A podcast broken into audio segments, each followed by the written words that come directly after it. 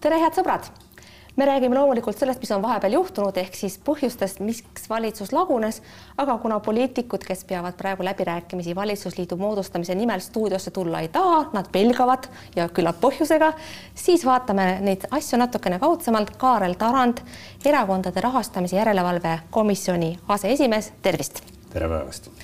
Te kirjutasite viimati, et Jüri Rattal on kõvasti lootust minna ajalik, ajalukku Keskerakonna hävitajana, mitte päästjana, kui ta astus tagasi erakonna juhi kohalt ja jättis tagasi astumata, astus tagasi valitsusjuhi kohalt, aga jättis tagasi astumata erakonna juhi kohalt.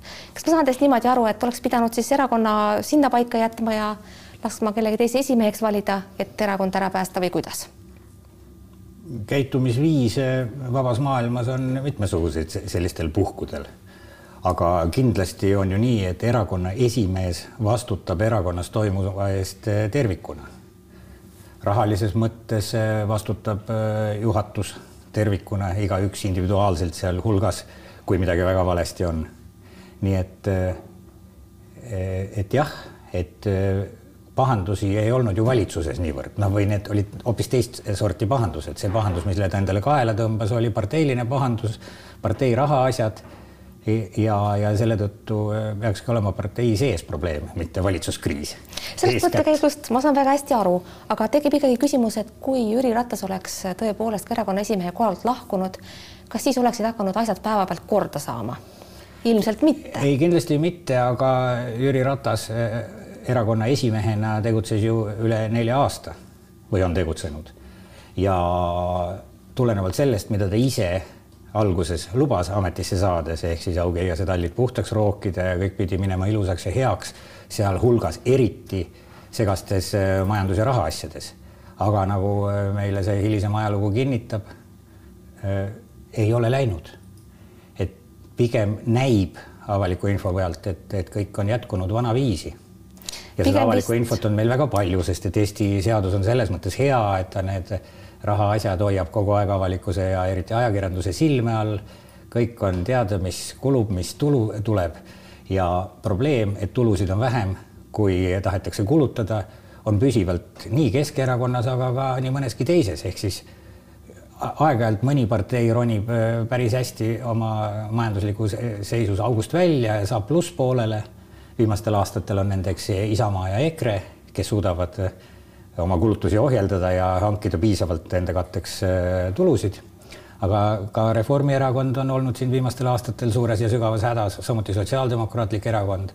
ühesõnaga, see kõik teeb kogu süsteemi hapraks ja selle noh, näidisjuhtum on, on muidugi paraku Keskerakond, kes äh, oma neid äh, seaduseväliseid tempe teeb pidevalt, regulaarselt ja teeb ka nii primitiivselt, et jääb kogu aeg vahele see, seetõttu ma ei taha ütelda, et aga kõik teised on puhtad.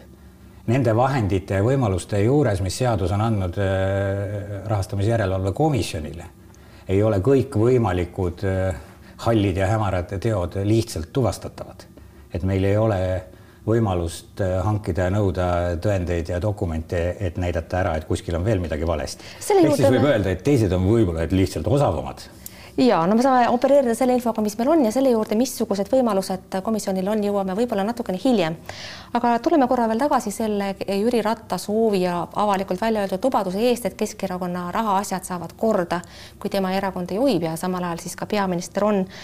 noh, seda lubadust ta pole suutnud täita, aga kui me vaatame neid kohustusi, mis tal on päritud juba erakonnal, siis päritud ka Savisaare ajast ehk siis kasvõi juba see, see üks koma null kaks miljonit Paavo Pettai nõue, mis on endiselt üleval ja jõuab kohtusse jällegi järgmisesse astmesse, siis kas tal üldse on see võimalik? iseenesest on olnud võimalik ja kui asi oleks piirdunud ainult äh, vanade pattudega, et siis ma arvan, et nad oleksid äh, praegusel hetkel ka paremas seisus. aga häda on ju selles, et äh, väiksemaid ja, ja suuremaid viltuminekuid on tulnud ka nendest aastatest, kus Jüri Ratas on juba olnud esimees. noh, ilmekas näide on siin kahe tuhande seitsmeteistkümnenda aasta kohaliku omavalitsuse volikogude valimised, kus eriti Tallinna linnas eh, tehti asju, mille tõttu eh, pidi järelevalvemenetlusi algatama terve hulga ja need eh, jõudsid ka kõik lahenditeni. olgu selleks siis avalike vahendite kasutamine oma partei reklaamiks PBK telekanalis või nendes imelistes munitsipaallehtedes ja, ja mujal, et sealt oli rida asju, käisid kõik kohtud läbi, ettekirjutused osutusid õiguspäraseks ja, ja tuli maksta. ja nüüd näeme, kas sel aastal hakkab see ikkagi kõik veel korduma uuesti ja ikka tekivad need kiusatused, eriti Tallinnas, aga mitte ainult, sest et, et seda käitumist väiksemas mahus on ju esinenud ka muudes omavalitsustes. no ja tuletame siis vaatajale võib-olla meelde ka need kõige värskemad juhtumid, mille pärast valitsus kukkus, ehk siis Hillar Tederi eh, võimalik eh, altkäemaksu soov või õigemini soov anda seda altkäemaksu Porto Francost rahastamise skeem, mis haises meie silma all pikemat aega. Martin Helme nõu nõuniku Kersti Krahti vahistamine kaheks kuuks nagu Hillar Tedergi ja muidugi siis ka see Juhaste viiekümne tuhande eurone ninanips oma eksmehele väidetavalt, mis ju seda tegelikult ei olnud. ehk tegemist on siiski sellise kindla käitumismustriga.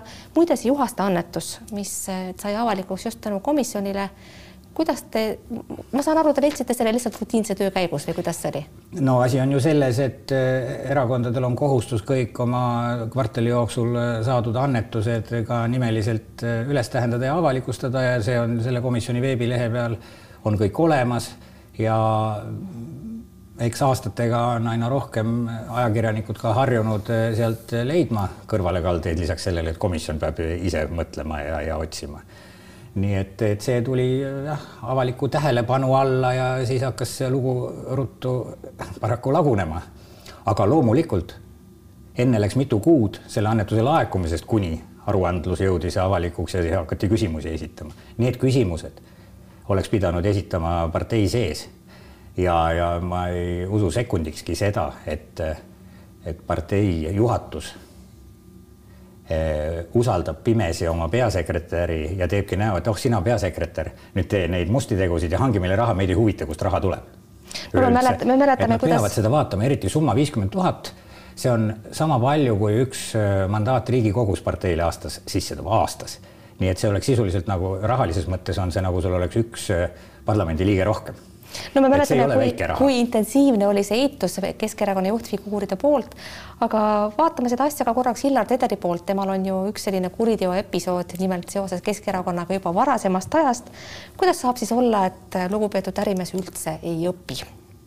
ma pean silmas seda oportuniteediga lõppenud kuriteoepisoodi. Äh, oleks kõige õigem tsiteerida suurimat asjatundjat ehk klassiku Urmas Sõõrumaad, et see on täielik müstika mina ei oska mm, ka ennast äh, sellesse pähe sisse mõelda, et mis juba olles mingisuguse teo eest äh, no ta on juba, on juba olnud kohtu all ja pääsenud oportuniteediga. kui ärimehena mõelda, et hästi, et, et potentsiaalne hüpoteetiline miljon, millest on juttu olnud, tegelik siiamaani eelmise aasta annetuse kogusumma oli tal kakssada nelikümmend tuhat, millest siis noh, ütleme, et osa on kahtlane aga sa teed saja tuhandese kulu, võtad selle riski ja jääd selle peale ilma sajast miljonist mis pangalaenudena oleks sellele Porto Francole pidanud tulema ja nüüd ära jäid. ja kukub tagapihti veel kinni ka. jah, et, et see nagu minu meelest ei kõla väga äriplaani moodi ühelt lugupeetud ettevõtjalt, et peaks natuke paar sammu veel mõtlema, enne kui selles suunas liikuma hakata. Nii see tõepoolest tundub. praegu on tegemist alles kahtlustustega nii Keskerakonna suhtes, Korbi suhtes, Krahti suhtes Eh, kui ka Hillar Tederi suhtes. varem või hiljem hakkavad need eh, kahtlustused vormu, vormuma süüdistusteks või siis ei hakka. üks kahest. ma isegi ei küsi, kumba te peate tõenäolisemaks, vaid pigem seda, et eh, missugune on Keskerakonna vaates see tulemus juhul, kui süüdistust ei tule ja siis, kui ta ikkagi tuleb partei vaates no raske on ennustada, millise kommunikatsioonistrateegia nad siis sellisel juhul välja äh, mõtlevad. aga ega nad ju ei saa äh, ajalugu tagasi keerata, see, mis on toimunud, see on toimunud ja ja kuna see on teine menetlusliin ehk sellega tegelevad prokuratuur ja kaitsepolitsei praegu selle juhtumiga, et siis see nüüd rahastamise järelevalve äh, komisjoni kui, kui, kui haldusmenetluste läbiviijat ei puuduta. Et komisjoni seisukohalt võib see äh, tulla mingil hetkel päevakorrale sõltuvalt sellest, et, et millise järelduseni kohtud jõuavad.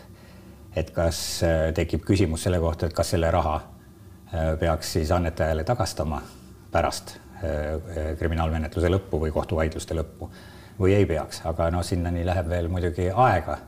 teine asi on see, et muidugi kui mõelda Jüri Ratta tegevusele ja sõnadele juunis kaks tuhat kakskümmend sellesama proua Juhaste viiekümne tuhandese annetuse puhul ja, ja praegusele jaanuari seisule, et siis kas ei oleks loogiline eeldada, et käitumine jätkub samamoodi. kui on midagi kahtlast, siis puhas partei ju tagastab saadud annetuse. minu teada ei ole seda praegu juhtunud, aga see on iseenesest huvitav küsimus minu meelest.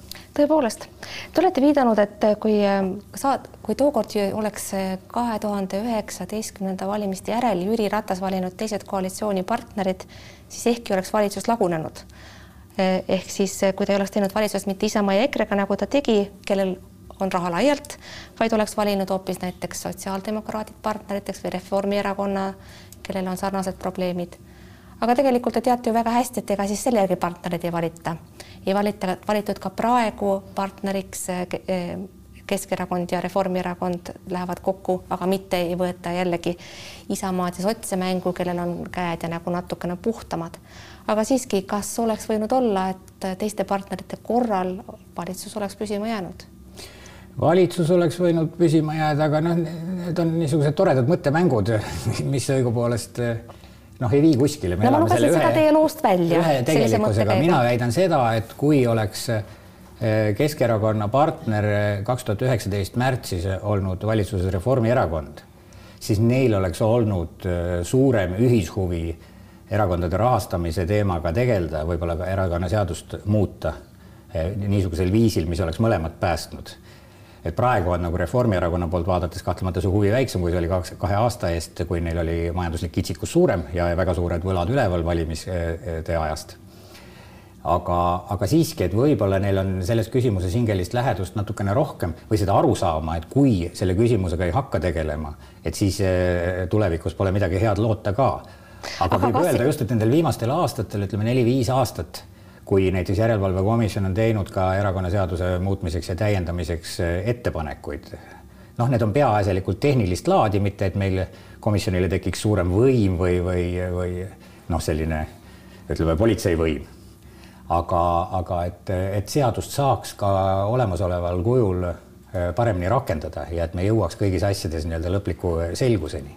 et siis Isamaa kindel... sellele olnud kõige hoolekamalt, hoolikamalt vastu, et üldse midagi teha nii siis justiitsministri positsioonis, kus isegi valitsuse tööplaanis oli korra sees, et tegeldakse kaks tuhat seitseteist, aga siis eh, härra Reinsalu ei tahtnud sugugi tegeleda, midagi ei juhtunud. ja täpselt sama lugu on olnud eh, põhiseaduskomisjonis, mida parlamendi eelmises koosseisus juhtis eh, ka Isamaa.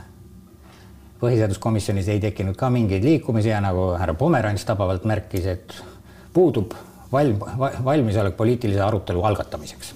Aga kui nüüd praegu Keskerakonda ja Reformierakonda seos, seob ühine rahamure, tõsi küll, Keskerakonna rahamure on praegu suurem ja avalikkuse silme all palju rohkem, siis mingil hetkel võib ju neil tekkida samad kiusatused, mis tekkisid eelmisel koalitsioonil, kui nad hakkasid erakondade rahastamise järelevalve komisjoni ära likvideerima.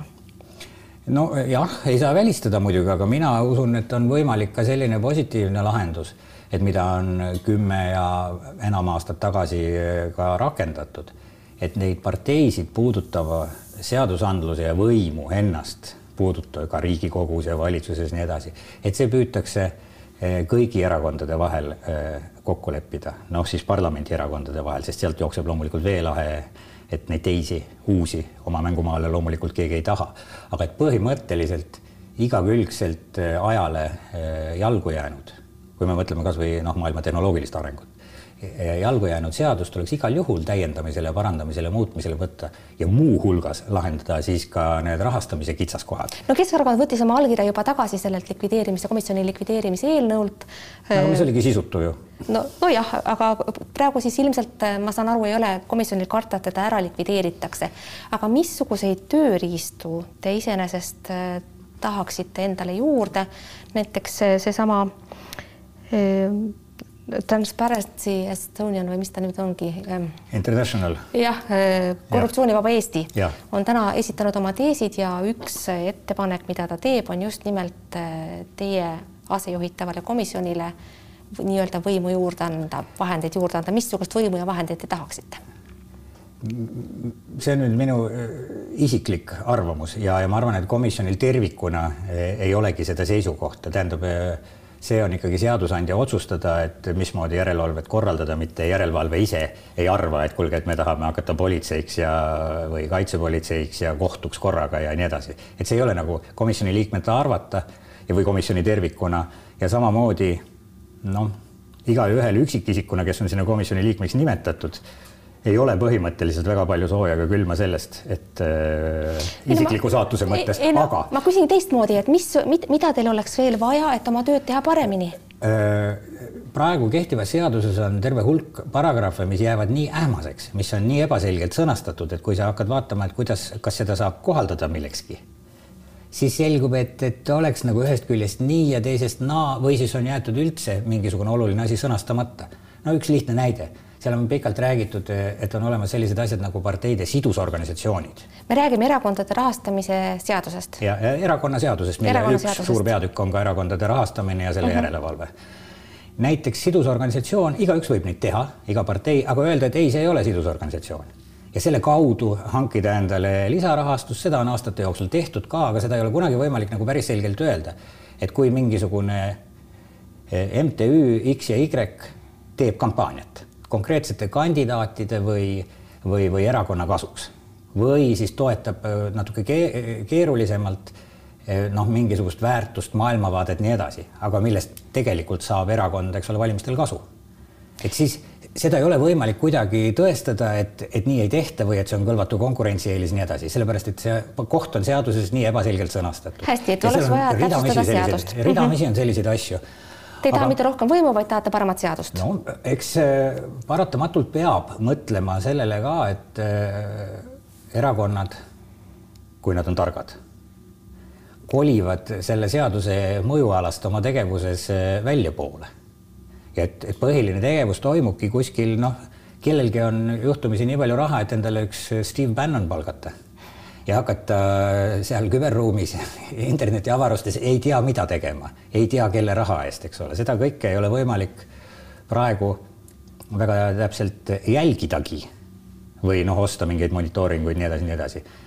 veel vähem on keegi kohustatud selle kohta aru andma, olgu needsamad äh, netihiiud ise, üleilmsed korporatsioonid ja nii edasi okay,. et ma..., et seal on, seal on palju niisugust hämarat maad mm, -hmm. mida peaks kõigepealt rahulikult arutama, saama selgeks, et kuhu suunas see maailm liigub vaatama natuke ka teiste maade kogemustest, sest meil on palju, ütleme ka siin kümnendi tagusest ajast võib öelda, et palju ka eesrindlikku kogemust. hästi, me ei jõua kogu maailma kogemust siia saatesse ära mahutada, ma tahaksin tuletada meelde ka oravate musta raha skandaali aastast kaks tuhat kaksteist, mis muidugi ei ole enam nii värskelt meeles kui Keskerakonna värsked pahandused, aga see ei ole ka eriti kauge aeg tol korral mäletatavasti peaminister Ansip tagasi ei astunud ja tollane justiitsminister Kristen Michal, kes oli siis eh, peasekretär nendel musta raha aastatel, astus tagasi alles aasta lõpuks.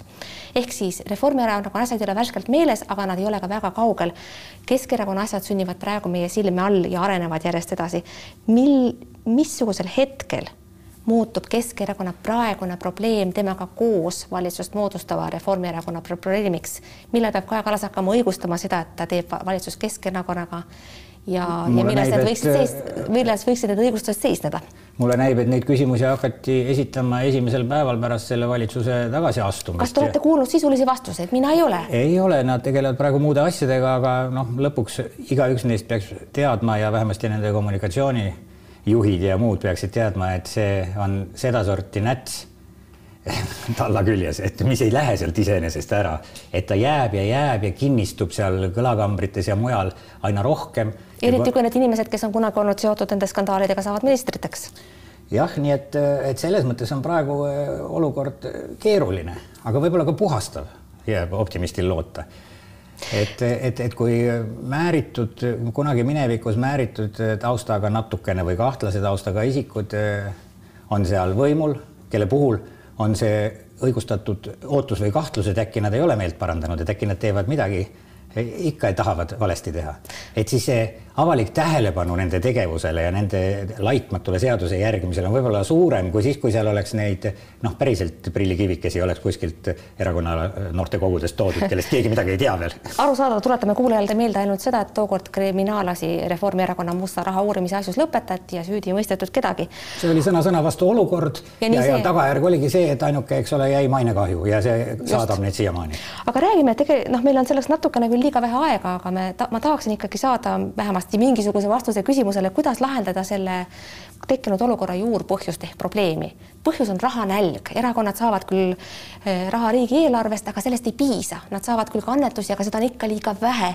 kuidas lahendada seda probleemi, et erakondade rahanälg on liiga suur, kuidas teha see rahanälg väiksemaks? Mm, kehtiva seaduse raames eh, seda ei saagi teha, nii et need tagajärjed eh, ehk siis rahastamisskandaalid kehtiva reeglistiku juures jäävadki toimuma. Nad tulevad meile iga üksikjuhtumina tulevad meile võib-olla natuke ootamatult ja võib-olla keegi leiutab mingisuguse uue ja originaalse nipi, kuidas seda teha, aga vahele jääb äh, lõpuks ikkagi, sest lõpuks mitte ainult järelevalve, vaid ka ju konkurendid, avalikkus, ajakirjandus, kõik jälgivad ja mida avalikumad on andmed, seda kergemini tulevad anomaaliad välja. nii et äh, lahendus on ikkagi mujal lahendus on kogu selle raha, rahastamise korra muutmises, milleks peab siis parlament äh, soovi avaldama, sest. Äh, aga missuguseks en... peaks seda muutma, missugune on hea rahastamismudel? variante on palju, aga tuleb äh, võtta igalt poolt maailmast mõni hästi töötav asi.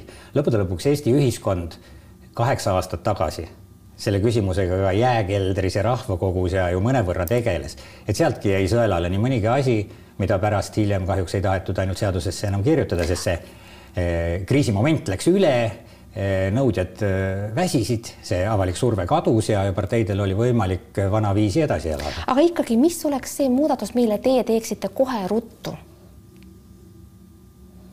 Mm, minu meelest tuleb süsteemi avada rohkem, et annetajate ring saaks või rahastajate ring saaks olla laiem ja selle vastutasuks on siis see, et, et selle avalikkus on ka praegusest veel suurem.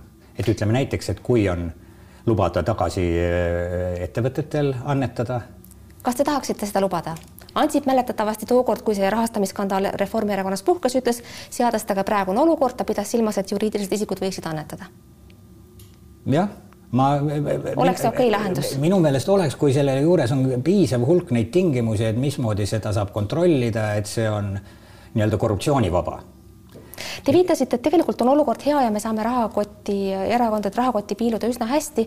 mina vaidlen vastu, minu meelest oleks loogiline see, et äh, aruanded ei esitata mitte ainult kord kvartalis, vaid tegelikult ma saaksin online vaadata, palju parteil, palju ühel parteil raha on, palju sealt on välja võetud, kuhu kulunud, kes on andnud, millal me sinna jõuame. aga siis äh, ongi nii, et tulu on vaba, eks ju, ühelt poolt ja teiselt pool raamatupidamine on avalik aga. et see, see oleks see nii-öelda kompromiss või selline kaup, et siis vaatame, neil üksteise eest põhimõtteliselt erakondadel ei ole ju ka suurt äh, midagi varjata rahalises mõttes äh, mõni, tähendab, kampaania peab olema sisult leidlikum, et, et saavutada tulemust, mitte ainult, et, et ma kuhjan rohkem raha ja, ja teen massiivsemat reklaami.